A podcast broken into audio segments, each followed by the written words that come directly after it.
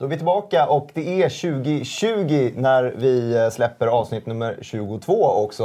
Eh, det här avsnittet det kommer handla om eh, en storägares perspektiv. Ni ser honom i bild just nu. Han heter Bengt Julander. Varmt välkommen hit. Tack så mycket. Ska vi börja med att låta dig presentera dig själv? Jag har jobbat i, inom life science hela mitt liv. Första tiden operativt mer och sen som investerare. Mm. Och, men det, det, det, den sista tiden har varit ganska lång.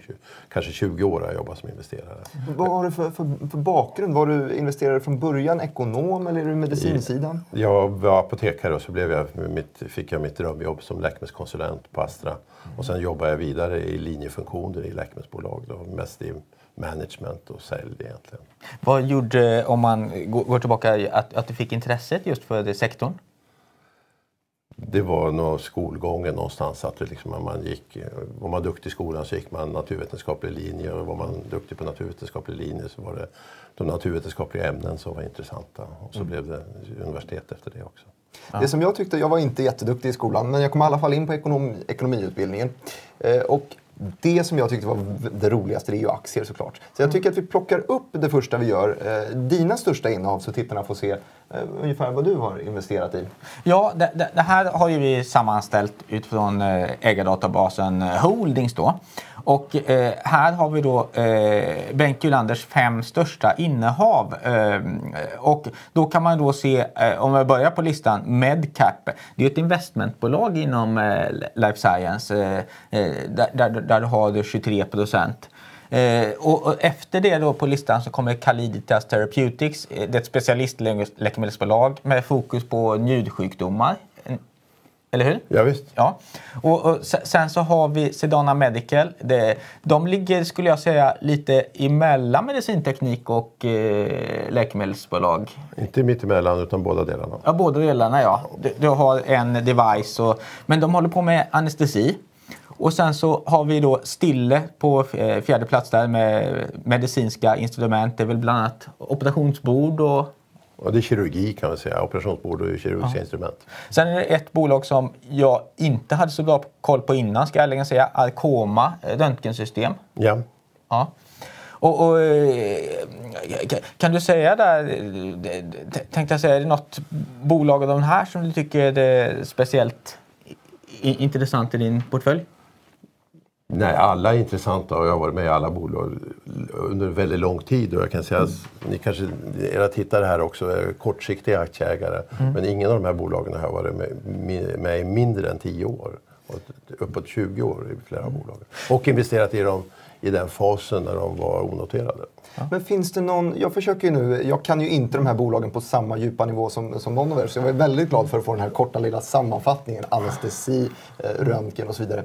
Finns det någon röd tråd som går mellan dem? Eh, när du har valt ut dem då för 10 eller 20 år sedan, eh, vad, är, vad är gemensamma nämnaren? Jag skulle säga att gemensamma nämnaren är att man har varit uthållig och jobbat, gnetat på i bolagen under lång tid. Så, och det är det som har gjort dem bra. Och det är bra management i bolagen idag som, som gör vad de ska göra.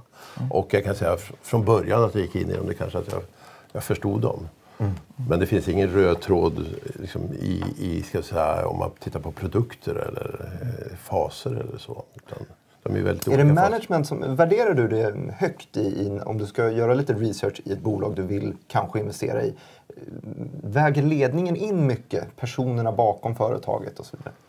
Ledningen är absolut, det går inte att köra småbolag. Det är som att segla en jolle utan, utan, utan kapten. Det går, inte, det går inte att driva småbolag utan en bra VD. Mm. Det är A och O, styrelse och annat. Det, kan, det väger ingenting egentligen jämfört med VDn. Då. Mm. Så det, det, det, det, är absolut det centrala. Men sen är det de andra ägarna som är en, en väldigt väsentlig del också. Att det, är uthålliga, att det finns andra uthålliga ägare.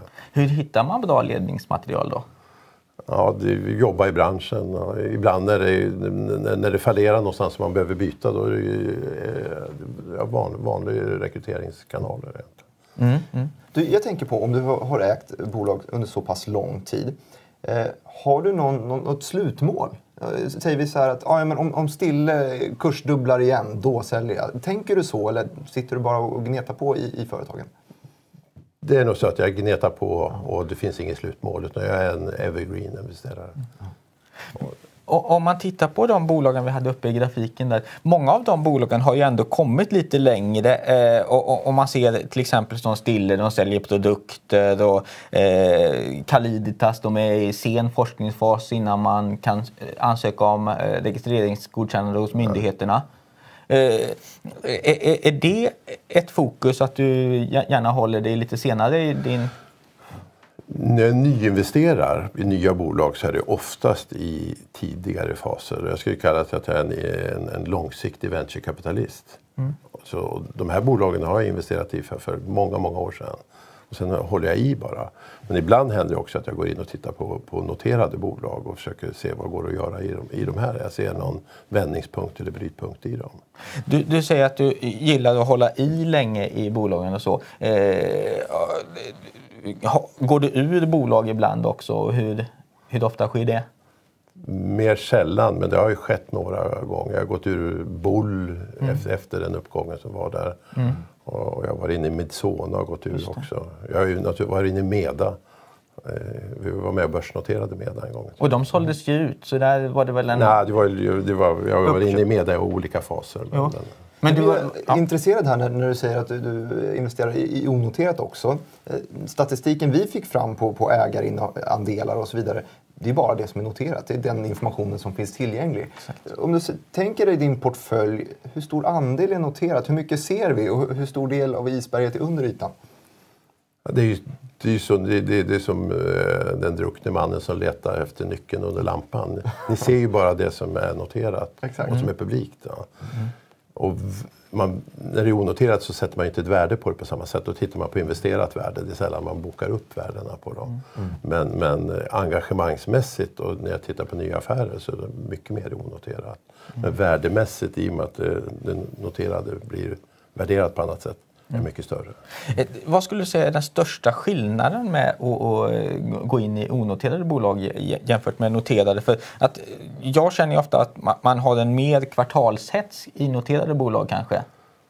Ja, ja det, nej, det, är inget, det är inget speciellt i den här branschen. Det, det, blir ju mer kvartalshets, det blir mer, mer, mer sådana frågor som dyker upp. Mm. När man är onoterad och då diskuterar man ju väldigt ofta också liksom, hur, vad ska exit bli? Och liksom, då är ju börsen egentligen en exit där folk kan gå ur. Då. Mm. Och det är, frågade tidigare, röd, röd tråd i bolagen. Många bolag i den här branschen, de har en produkt, så tänker man att man ska bygga, bygga det här för att göra en, gå till Big Pharma och sälja det. Mm. Och, vilket jag tror är en väldigt olycklig arbetshypotes både för styrelse och management. Att det är mycket bättre om man har ett sikte på vad ska produkten göra, vem, ska, vem är slutkunden och, och vad är säljpitchen på produkten egentligen. Mm. Men om man går ut och tror att man, ja, det, det, det är som att planera för bröllop mm. och inte ha någon att gifta sig med.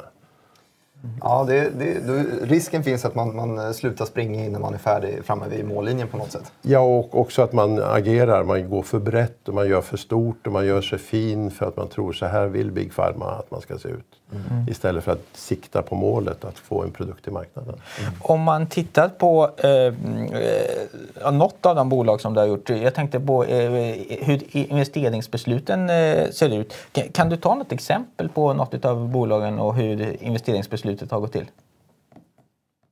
Jag vet inte vilket som är bäst. Alltså.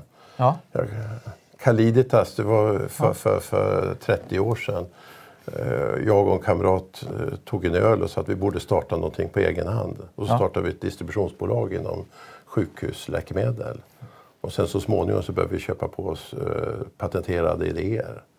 Och sen så sålde vi av den commodity-delen. Mm. Och så behöll vi utvecklingsdelen. Och det gjorde, bestämde vi oss 2004 för ungefär. Mm. Häftigt! Så då är alltså lärdomen i hela det här, hur man blir en framgångsrik investerare, att ta mer öl med dina vänner. Så ja. kan bra saker komma fram.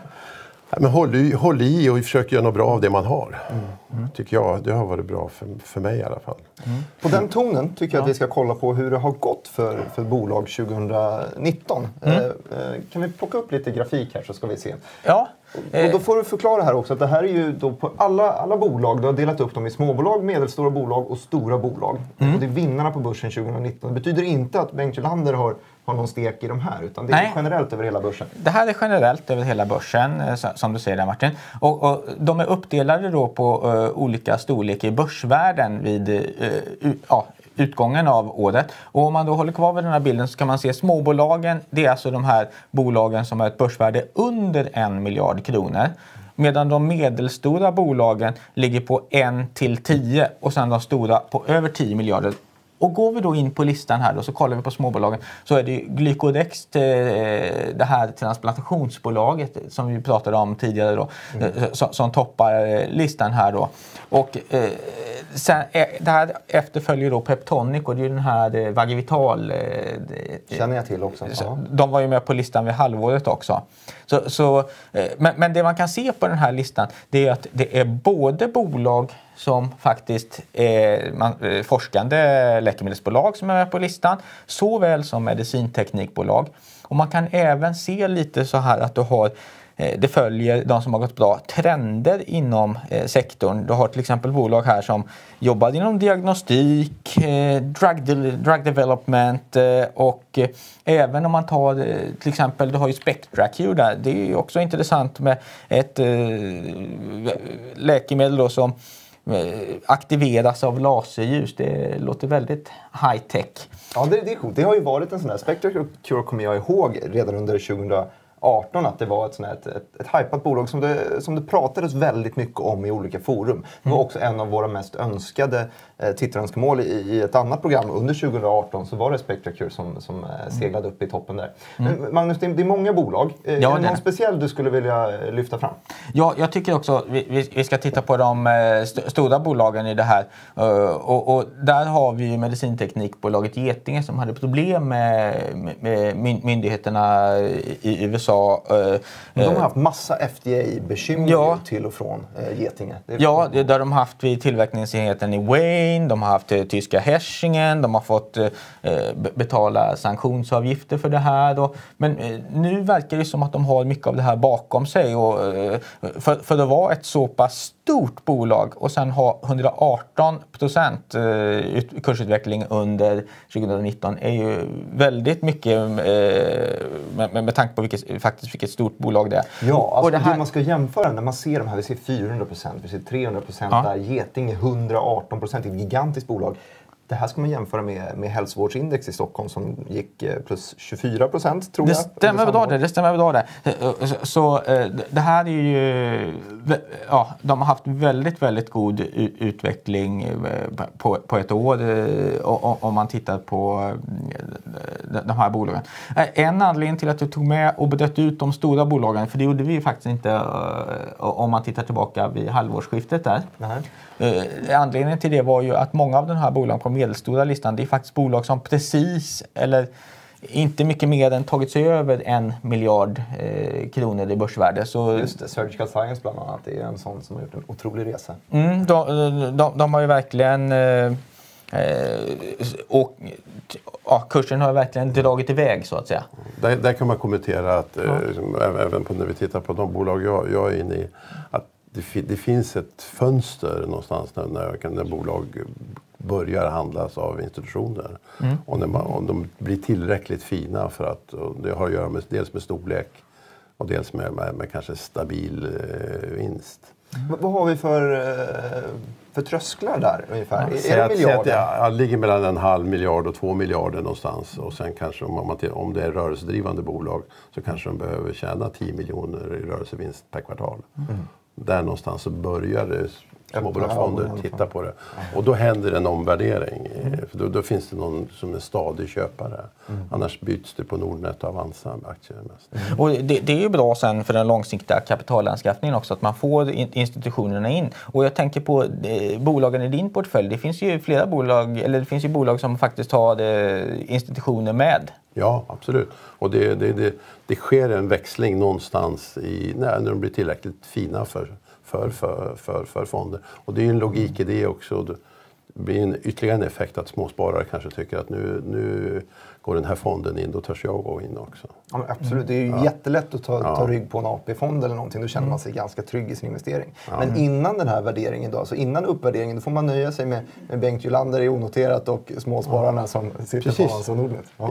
Ja. Ja. Vi får vara rädda eh, de, de Nej, och, och det, det fina är ju att få vara med om uppgången. Då, när man, man, om man kan bedöma att det här bolaget om ett eller två år kan bli tillräckligt fint för den här uppgången.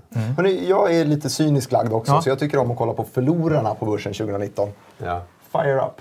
Ja, här har vi då de som har eh, haft det motigare under året.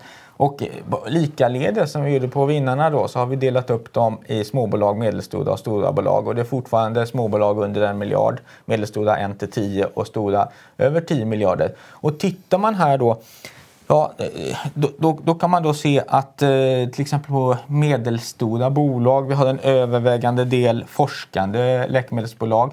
Och vi har ju talat en del om de här bolagen innan till exempel som eh, eh, Hansa Biopharma där. De, de, de drabbades ju av en försening och då eh, fick, fick de press på det. Men de är fortfarande ett medelstort bolag. De håller inte på att ramla ner, eller? Nej, de är fortfarande ett eh, med- medelstort bolag. De var, var, var såklart värt med innan. Ja, de är tre miljarder nu idag. Tror jag. Ja, pre- precis. Imponerande. Ja, och, och de, de här hade ju b- bra koll på. För jag vet ju att det här var ett bolag som du eh, stod i valet och kvalet eh, Ja. och investerade i. Det missar jag. Men det, tyvärr är det så att man, eh, när man har bara en hjärna, när man har bestämt sig för att inte investera i ett bolag så, så då hittar man efteråt så blir det så att man hittar fel i det. Ja. Och då, då liksom, man, man har fel eh, mindset för att liksom ändra sig. Tyvärr. Om man eh, tittar på eh, bo- bolag som motor, för ofta är det ju så i, i en bolagets utveckling att man eh, kommer upp till någon nivå där du får någon utmaning och sen så allt går inte på lika rak räls eh, hela vägen. Vad, vad är det som gör att man faktiskt hänger i och inte liksom bestämmer sig för att nej, nu är det faktiskt dags att lämna? Ja, ett, ett skäl är att man är insider. Ja, ja det är så. Ja, det kan ju vara så. Men men, eh, men eh, ja, det, man tycker ju inte heller att det är ett bra tillfälle att göra exit eller sälja av när det går dåligt. Man, vill ju, man, man, man tror, drömmer ju om att man ska göra affärer på topp. Då, eller, Men det, här, det tycker jag är en, en farlig, farlig sits att hamna i också. Jag kände i alla fall i, i flera aktieaffärer jag har gjort att man det börjar tappa och sen så är man, är man så djupt nere och är bak, back 40% back 50% Det gör så ont att sälja så man bara... "Äh, Den får ligga kvar. Jag blundar för den och tittar på något annat bolag istället. Ja, Känner du också så att du har fastnat så? absolut. Det, är, så, så känner jag, det har jag känt många gånger. Ja, kanske inte i de här affärerna där jag har varit med i 10-20 år, men i kortare affärer. Så när det inte har gått som man väntar. Men det, det, det är mänskliga hjärnan som är, fungerar på det viset. Och, eh, hur ser det, om man nu blickar framåt mot 2020, hur, hur tycker du året eh, ser ut för att investera i hälsovårdsbolag? Jag gör inte den bedömningen utan jag är inne i hälsovård. Ja. Fu- Fullt, fullt in i mitt investmentbolag så investerar jag bara i hälsovård. Och har bestämt mig för att inte bry mig om makro.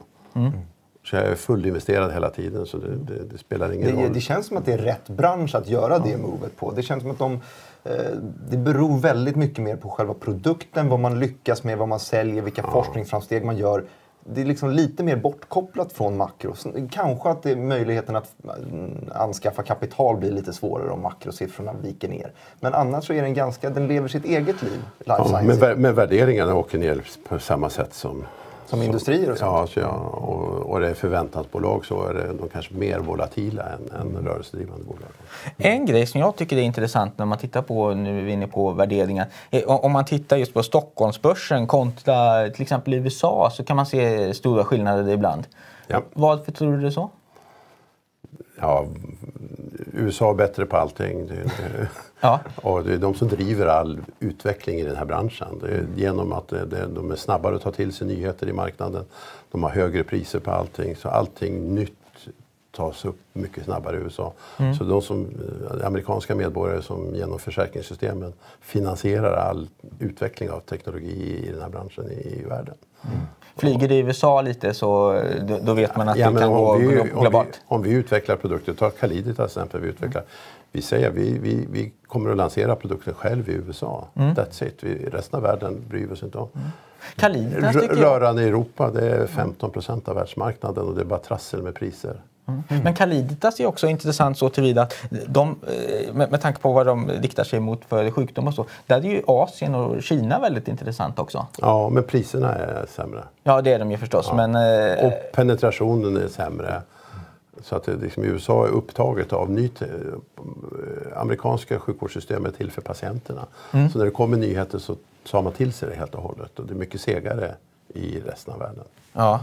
Och, och äh, inför 2020 så äh, kommer Bengt Gylander göra några investeringar under året som du tror? Ja, ge oss aktietips. Ja, ja det kommer jag säkert att göra. Ja. Men det är, jag har ingenting på, som jag kan lämna på bordet nu. Mm. Men att eh, du, du, får propåer löpande, eller hur? Jag tittar på nya affärer en i veckan. Mm. Och då är det kanske 75 procent icke-noterat. Ja. Men vi får även propå, propå på noterade med riktade emissioner och liknande. Mm. Ja. ja. det är klart, jag förstår. Ja. Eh, vi har... Det, jag kan väl säga det som jag nyligen har investerat i som kan vara intressant. Då, det, det, jag vet, det, som, som, eh, som är noterat då, så är det Doro och Index som jag tycker är jättespännande mm. bolag. Index var faktiskt, vi har fått två stycken kommentarer i livechatten som sa Åh, kul med Benk, jag antar att det kommer pratas lite Index Pharma.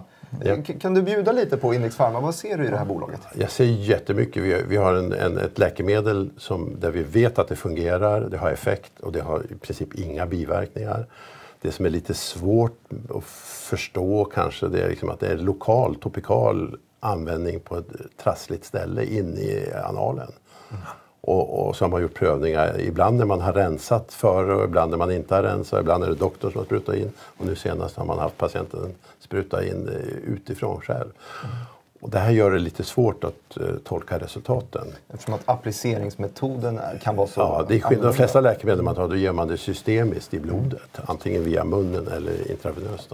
Mm. Men här är, här är sättet man ger det på är lite, gör det lite svårare att tolka resultatet. Men det är en jättemöjlighet också. Mm. För att eh, läkarens intresse, den amerikanska läkarens intresse av att ge det i, som, som själva behandlingen mm. ger jättereimbursement för läkaren och för kliniken så att de tjänar pengar på att göra det. Så att, den, att, att ge det rektala vägen mm. tror jag är en, en, en stor möjlighet. Mm. Men ska man se på bolaget som helhet så tror jag, där har man gjort det här felet som jag nämnde tidigare, att man har gjort det, vi, sagt att vi ska göra det här fint för Big Pharma. Mm. Och så har man gått brett och sagt att det här ska vara kronisk användning mm. och, vi, och, det ska vara för, för, för, för, en stor andel av populationen. Jag tror att man ska sikta på att göra mycket smalare produkt och säga det här är en doktorsinjektion. I, i, i, doktorn, han är ändå inne och tittar mm. där, då kan han spruta samtidigt och, och bara göra för, för, för det, akuta tillståndet. Inte det kronisk behandling. Är det någonting som du, du, du verkar för? Jag vet inte hur stor ägarandel du har i Index Pharma. Använder du dina röster för att, för ja, jag gör det nu. försöka smala av det? Ja. Jag, jag, jag, jag, har gått in och tagit 10% av index och jag tror ju att det kan vara liksom en, en tiodubblare på, på, på sikt om man gör rätt. Men, och jag säger det här till, till ledning och styrelse också. Mm. Vi måste ha in en disclaimer här också känner jag nu. Aha. E-, e eftersom eh, Index Pharma är ju faktiskt ett bolag som inte är din måtta. Men jag har ju faktiskt några stycken aktier där också. Ja. Ja, du är aktieägare också. Då är det ja. bara jag som är objektiv här. Så tittare, ni får fokusera på mig och, och, försöka filtrera ut här om de är alldeles för subjektiva i sin bedömning. Det var därför ja. jag höll mig tyst. Ja, det är bra. Bra Magnus. Ja. Nej, men det är en, en, en, värdering på 300 miljoner för en, en, produkt som kan gå in i fas 3 på en nischindikation. Det är, eller det, det är en stor indikation, men man, den behandlingsnischen att skulle vara att behandla den akuta fasen bara. Och då är det rimligt stora fas 3-prövningar också. Då tror jag man ska göra det själv och man ska till och med tänka gå, gå till marknaden själv.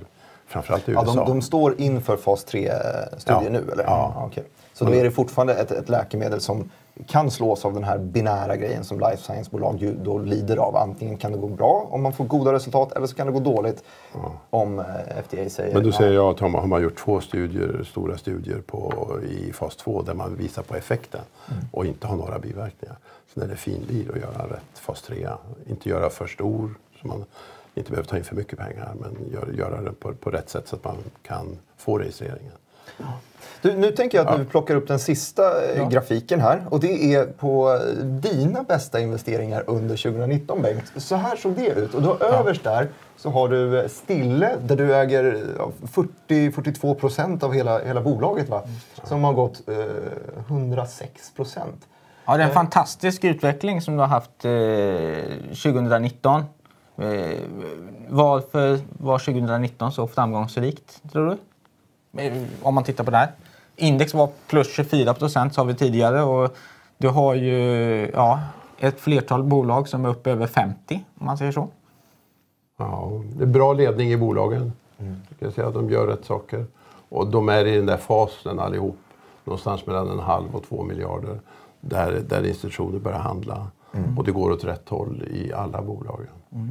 Det enda egentligen som är av de här eh, noterade och så som inte har gått så bra, det var Medivid. Och de pratade vi om eh, i ett tidigare program. Eh, Du får gärna refresha mitt, mitt minne här. Ja, de hade ju en kombinationsstudie som de avbröt och så. Jag tänkte, vad tycker du om Medivi som storägare? Är, är, är det fortfarande intressant och Här sitter, jag, här sitter jag i styrelsen också så det är lite svårare att prata om det. Förstår. det men, men Medivir har haft en, en sva, har varit ett fantastiskt bolag. Man hade en- ett leverpreparat och hade nästan en miljard i, C. ja, ja, i, royalties. Och sen växlar man om till ett onkologibolag och så hade man samtidigt här skiljer det inte på forskning och utveckling och försäljning. Man hade en forskningsorganisation och man sålde hostmediciner. Ja. Och så hade man en, en, en utvecklingsdel, vilket är projekt, läkemedelsprojekt. Då. Och nu har man, tycker jag, under, under den tid jag varit med, tagit bort så att man är helt fokuserade på, på utvecklingsdelen. Och det är alldeles utomordentligt bra att inte vara i så olika processer som forskning, utveckling och, och sälja hostmediciner. Man ska försöka specialisera sig lite. Ja, man ska jobba i en process. och Som, som man, när man är ett litet bolag kan man, är det svårt att jobba i så många olika processer. Sen den här sista, att, att Berina Pant inte, inte fungerade i kombination. Det var, ja, jag skulle säga att jag, jag skulle kunna åsätta en, en, en ensiffrig andel av, procentandel av bolagets eh, värde. Och det var nä, nästan skönt där också, ett fokus. För det, det värsta hade varit att vi har fått ett grå svar. Ja. Ett grått svar som var kanske, kanske inte. Nu blev det tydligt att det Ja, här, nu kan det här skära bort det ja, där och nu och- fokuserar vi på 818 som ett fantastiskt. Och det som du säger där, det, det kan vara ganska jobbigt som du säger när man får de här gråzonsvaren. För då måste man ju ta beslut om man ska investera mer pengar och, och eh, i värsta fall liksom kasta bra pengar efter dåliga och sen så kanske man inte kommer någon vart ändå. Ja, det händer ju väldigt ofta att man, man, man jobbar på, med för många projekt eller för många produkter och inte fokuserar på den, den som man har som är vinnare. Och i, i Medivir är det väldigt klart ett projekt som vi kallar 818 då, som också är ett levercancerprojekt. Då, Ja. Som det är en känd substans som vi vet hur den fungerar och så har vi kopplat på så att den styrs till levern, en, en, en, en molekyl. Så ger man Medivi lite tid så eh, kanske det finns hopp där med. Absolut, det är bara att gneta på. Ja. Om man nu slutligen då eh, tittar på eh, ja, de bolagen som du äger och, och blickar in i 2020. Var tror du att man har störst ku- kurspotential? Något eller några bolag som du äger? Ja, ja, då skulle jag säga index då. Ja, index är ju den som är, som är på negativa sidan här i alla fall. Ja, men det, det här är ju liksom eh, utvecklingen förra året. Man måste ju titta på, på vad, vilken värdering har de i Ja. förhållande till, till eh, vad de har i bolagen. Så det, det, det är ju lättast, att, i och med att det är så nedtryckt värdering, det är lättast att se en uppgång där. Men jag tror alla kommer gå upp. Ja.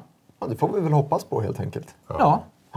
För er skull. Eh, Nu har vi faktiskt hållit på det här i, i nästan en halvtimme och vi siktar ju ofta på en halvtimme. Det är en, en bra bekväm tid. Bengt, det har varit otroligt eh, intressant att, att ha dig här i studion. Du är varmt välkommen åter. Du får Jättespännande. göra en liten eh, sammanfattning efter nästa år också. Vem vet? Tack för att jag fick komma hit. Tack själv.